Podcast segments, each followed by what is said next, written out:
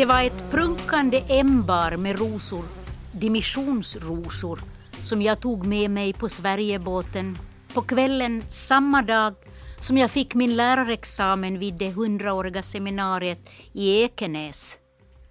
Det kändes bra att ha blivit så rosad på examensdagen. Betyget var medelmåttligt, inte direkt i samklang med de varma rekommendationer som min högt värderade rektor Erik Åman i Nykarleby samskola bifogat min ansökan. Men så hade han inte bedömt mina langetstyng, kabelstyng, smygstyng, min platssöm, vändsöm och vridsöm och all sådan kråkspark.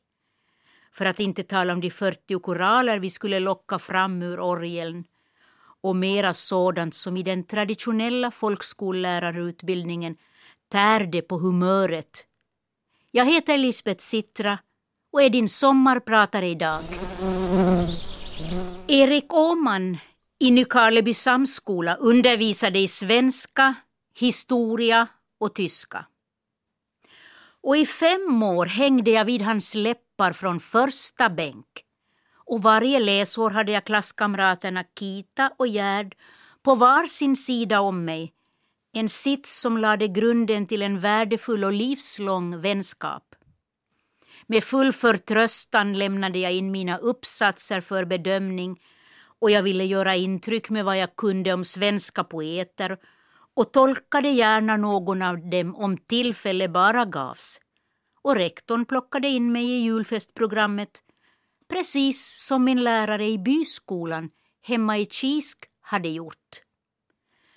Tre av mina fem år i den lilla byskolan på höjden mellan Kisksjön och Esseå kom att bli särskilt betydelsefulla för mig. När jag börjar mitt tredje skolår står det nya lärarparet Fågelberg och tar emot på trappan till det gula skolhuset. Erik William, Nelly, hela barnaskaran och hunden Boy. Vi får ett varmt mottagande, vi nio elever som tillsammans med de fyra lärarbarnen utgör skolans totala elevantal. Läraren Erik William Fogelberg är den meste isten jag ännu till dags dato träffat. Absolutist, ateist, humanist, idealist, pacifist, socialist men också en god stilist. Och jag lovar, vi läste och skrev som det aldrig tidigare gjorts i Kisk folkskola med förkortad lärokurs.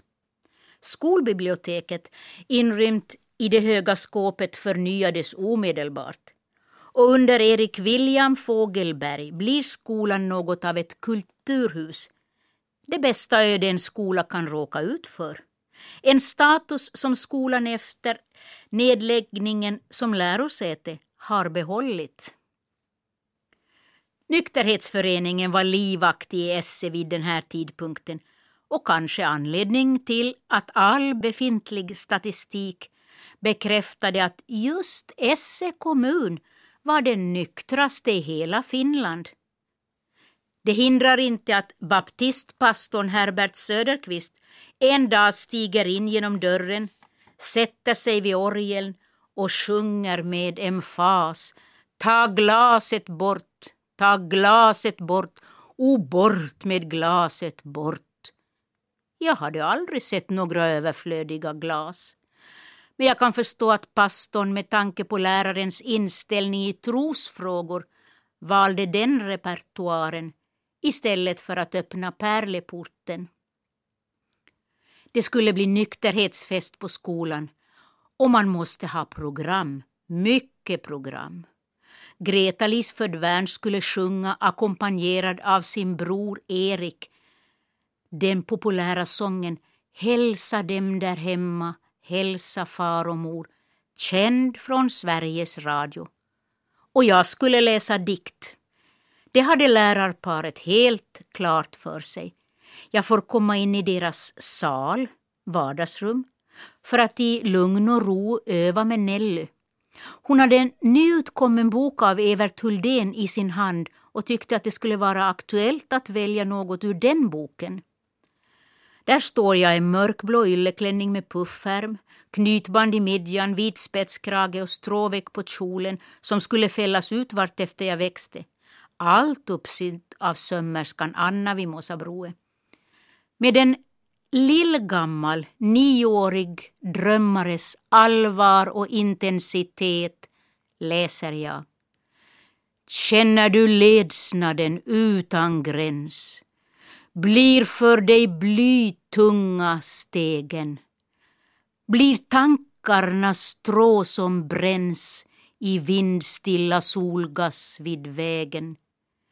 Och i samma ögonblick sliter Erik William upp dörren och på båda sidor om mig haglar plötsligt ord om valet av dikt med två spelande tjädertuppars intensitet.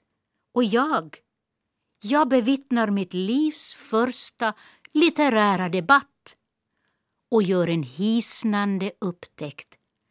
Några få diktrader kan väcka så mycket känslor.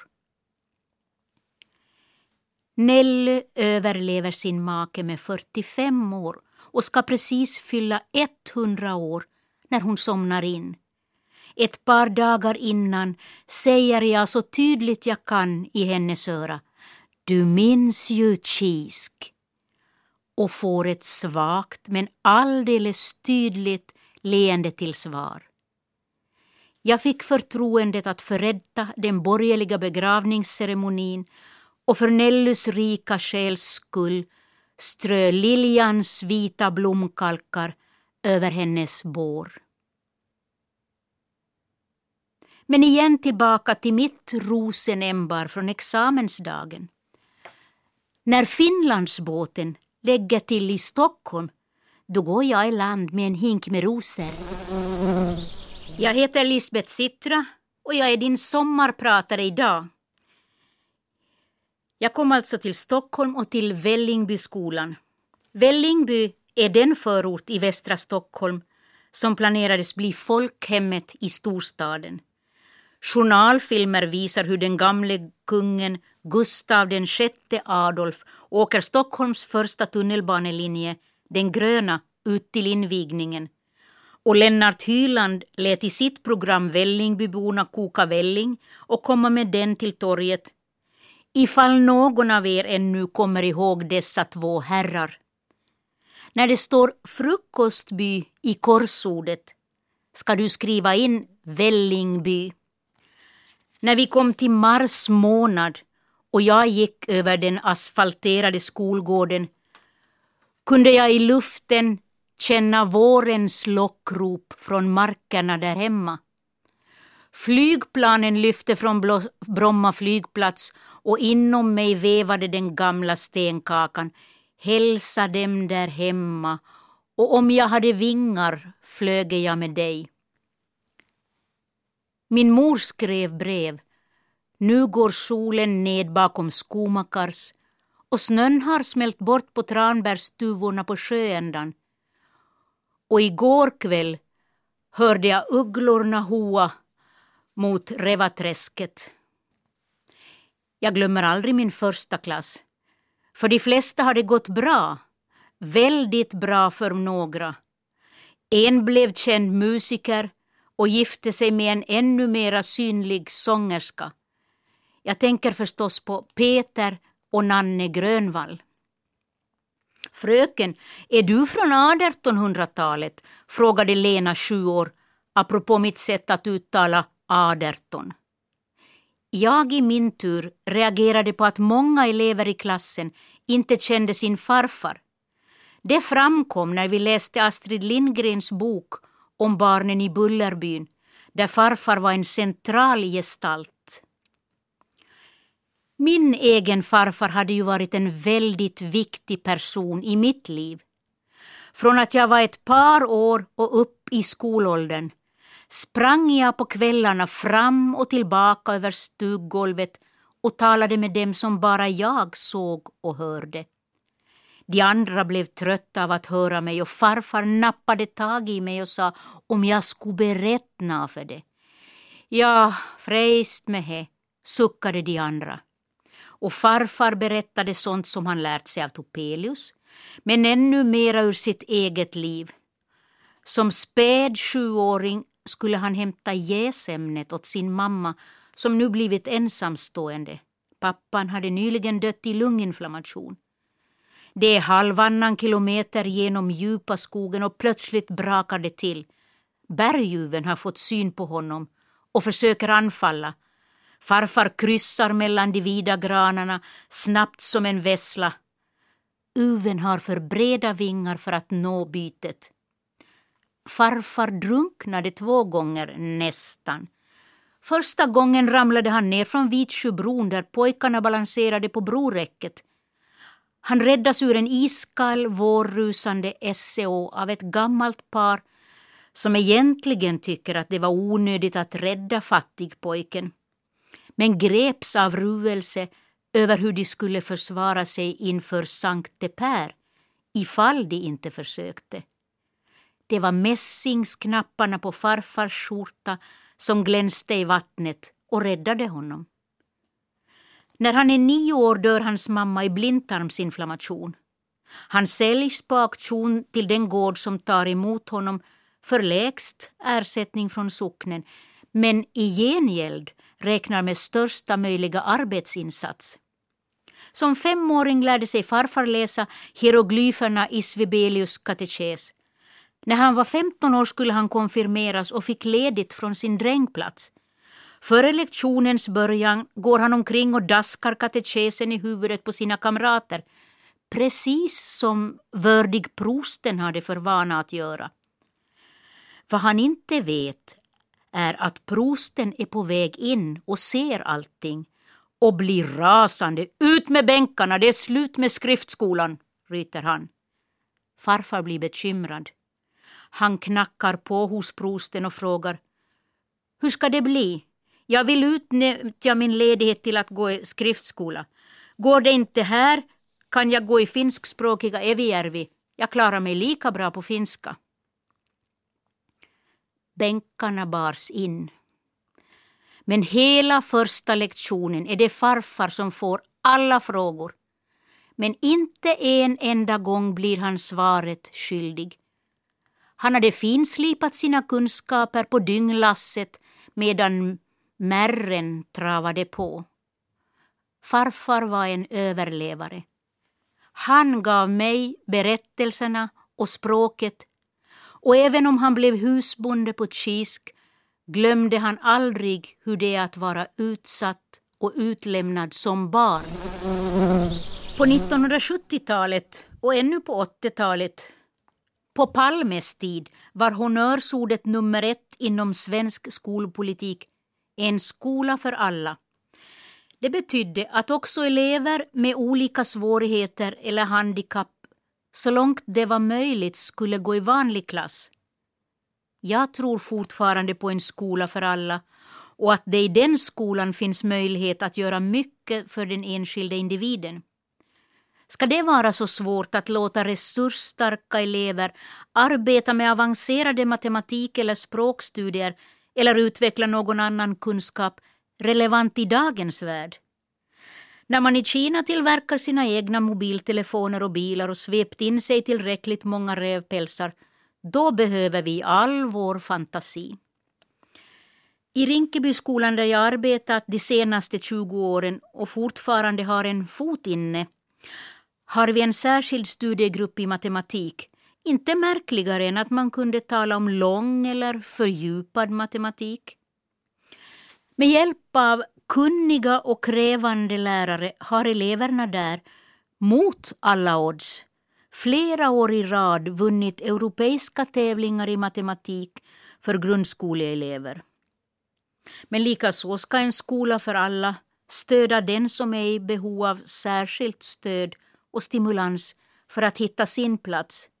Det är ju som känt god samhällsekonomi. Genom att slösa i den här meningen sparar man med god ränta. Malin i Vällingbyskolan hade en utvecklingsstörning och ett nästan obefintligt talspråk när hon integrerades i min vanliga lågstadieklass. Det är tveksamt om Malin blev någon vinnare på grund av integreringen i en vanlig klass som i sin tur fick öva sig i hänsynstagande in till bristningsgränsen. Vinnaren blev tveklöst jag själv.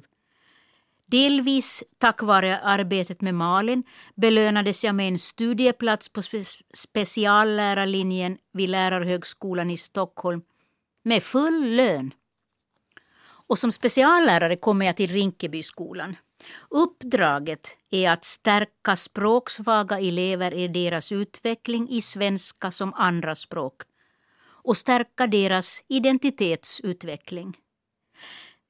Många känner till att Rinkebyskolan är en högstadieskola där 97 procent av eleverna har utländsk bakgrund. Kommer från cirka 70 olika länder och talar omkring 40 olika språk. Men skolans uppgift är densamma, här som överallt i en demokrati. Att utbilda eleverna så att de får så goda förutsättningar som möjligt att bestämma över sina liv. Jag började med en särskild undervisningsgrupp med tolv elever och den som har någon som helst insyn i skolans värld vet att en sådan grupp innehåller betydligt fler behov av stöd och stimulans än antalet elever.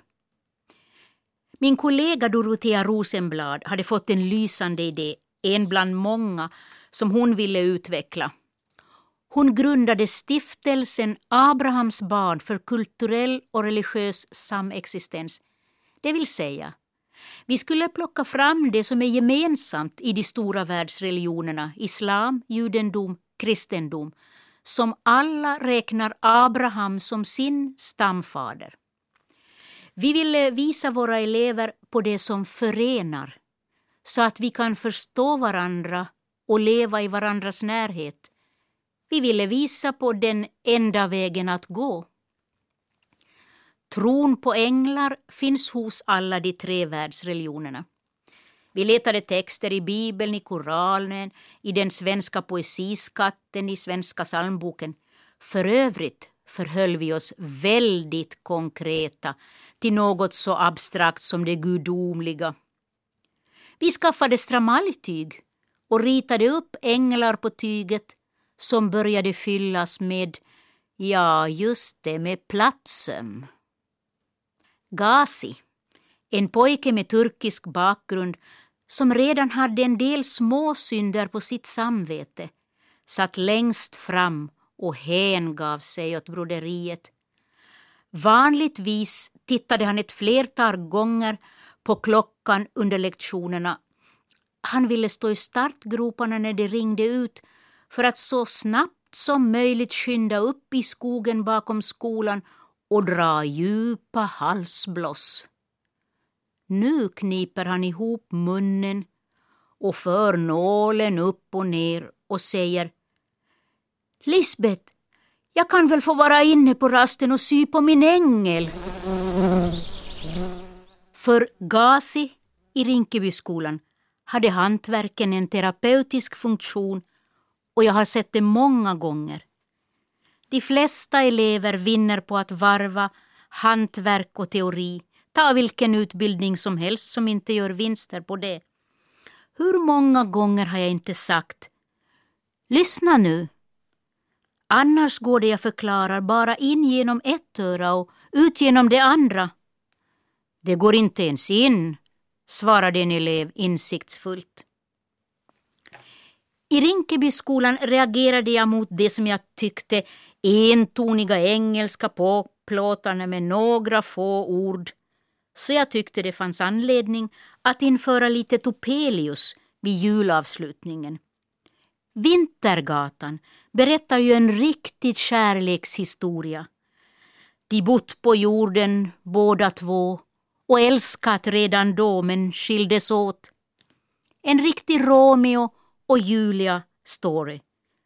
Och änglarna finns med och ojar sig över Salamis och Sulamits tilltag att börja bygga sig en bro av stjärnor.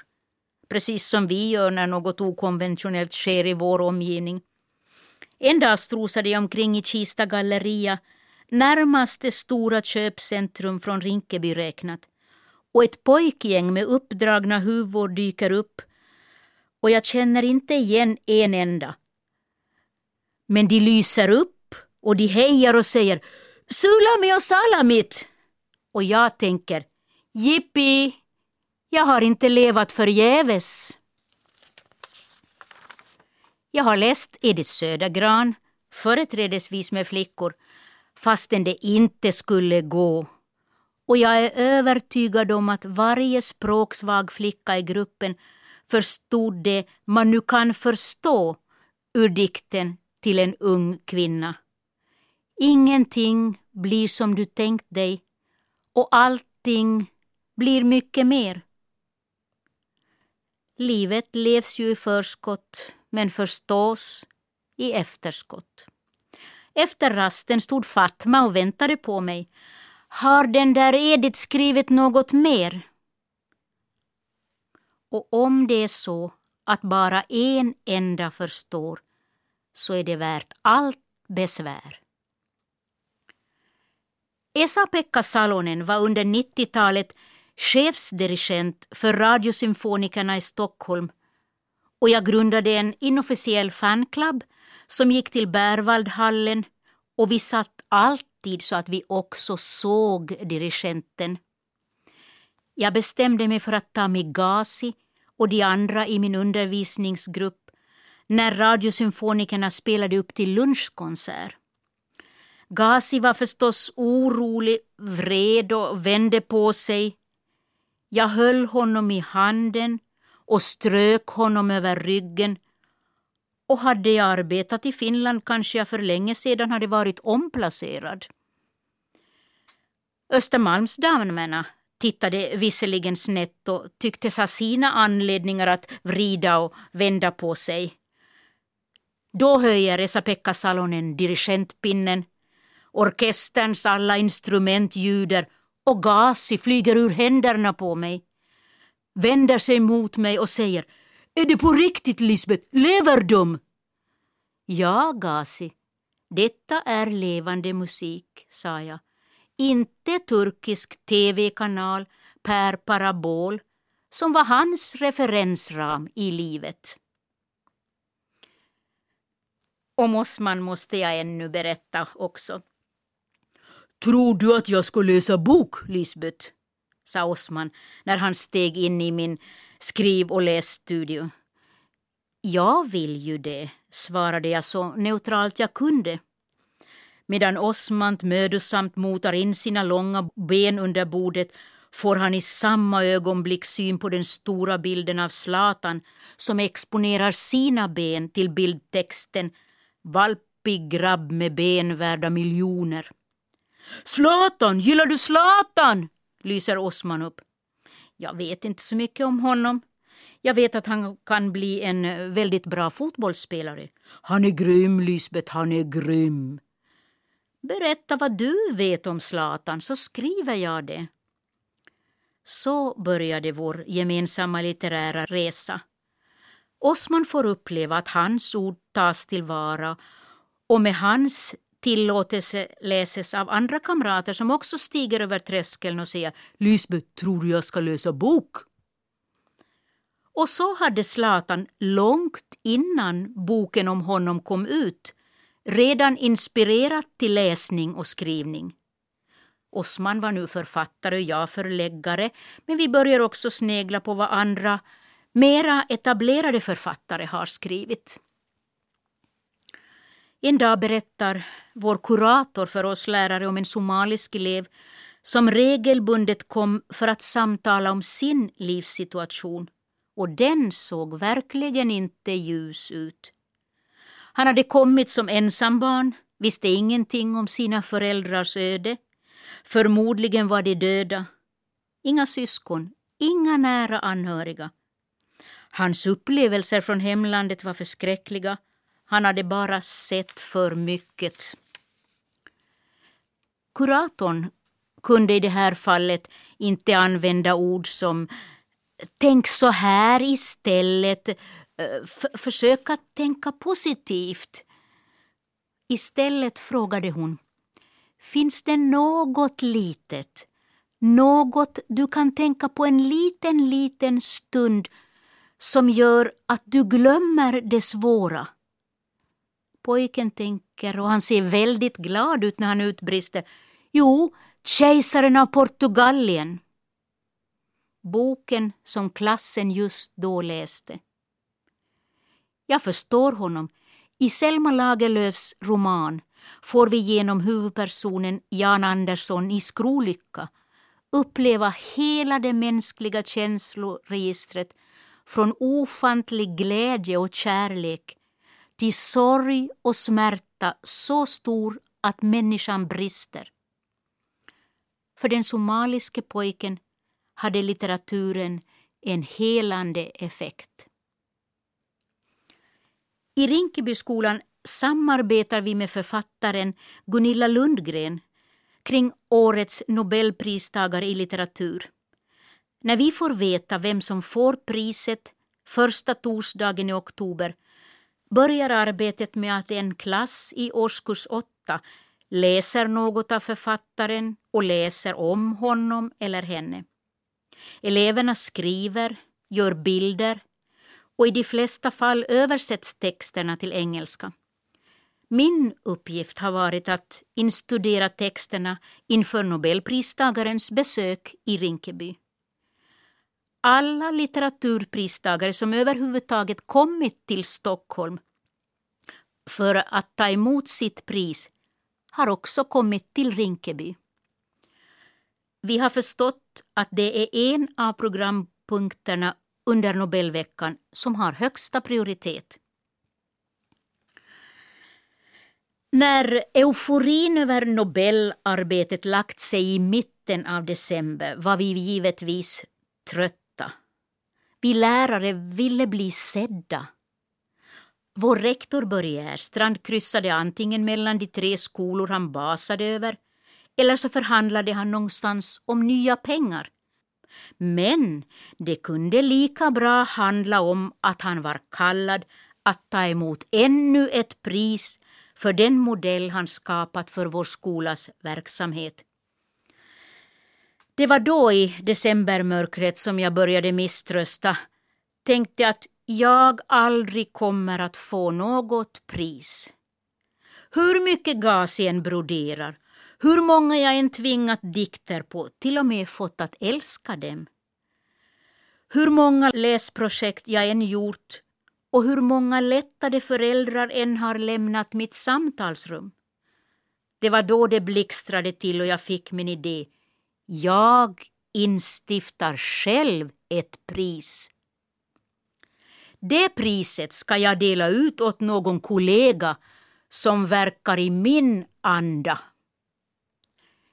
Julen stod för dörren och jag stod med händerna i degen som skulle bli sirapslimpor. Sirapslimpan skulle mitt pris heta. Jag skulle dela ut årets sirapslimpa vid jullunchen med en välgrundad motivering i stil med den som Svenska Akademien levererar. Det blev succé. Jag blev populär. Nästan i alla fall. Nisse Larsson var en av dem som fick sirapslimpan. Han arbetade med våra allra svåraste elever i skoldaghemmet. Han cyklade ibland tre mil till skolan och hem igen. Han åkte Vikingarännet, fem mil på långfärdsskridskor och skidade Vasaloppet. Han intresserade sig för språk och litteratur och han ställde sig framför tuffingarna och sa nu ska ni få höra någonting riktigt bra. Och så läste han en dikt. Det kallar jag manligt. Det är en rikedom att vara tvålänning. Men man saknar alltid mer eller mindre den del som för tillfället inte är tillgänglig. Och den känslan delar jag med mina elever i Rinkeby. I Sverige var jag väldigt finländsk, I Finland är jag Sverigetillvänd. Den svenska skolan utmålas nu som körd i botten i motsats till den finländska där PISA-flaggorna smattrar i medvinden. Jag har aldrig hållit en PISA-undersökning i min hand men däremot många nationella prov i svenska för årskurs 9 och jag börjar tro att den svenska skolan kräver mer av sina elever än den finländska. Eleven ska kunna analysera språk och litteratur på en förhållandevis avancerad nivå, genrebestämma, dra slutsatser, tolka undertexter, gå i dialog med någon figur i texten, reflektera över en huvudpersons ställningstagare och så vidare. För mig handlar det mer om att fråga efter personlig mognad än enbart språkfärdigheter. I Sverige borde man träna de språkliga färdigheterna mellan 9 och 12 år. Bara ösa på, låta det handla om kvantitet på den här nivån. Det är en ålder då eleverna gärna vill läsa mycket, skriva mycket, eh, gärna mäta med linjalen. Det ska vi utnyttja så att hantverket sitter inför högstadiet. Jag tror att det också behövs i Finland.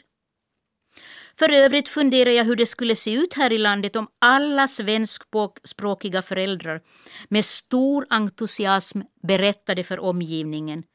Tänk att vår Erik redan får lära sig finska. Ja, samaten alla finskspråkiga föräldrar skulle utbrista Ajatelka! Meidän Erkki, hän saa jo oppia ruotsia.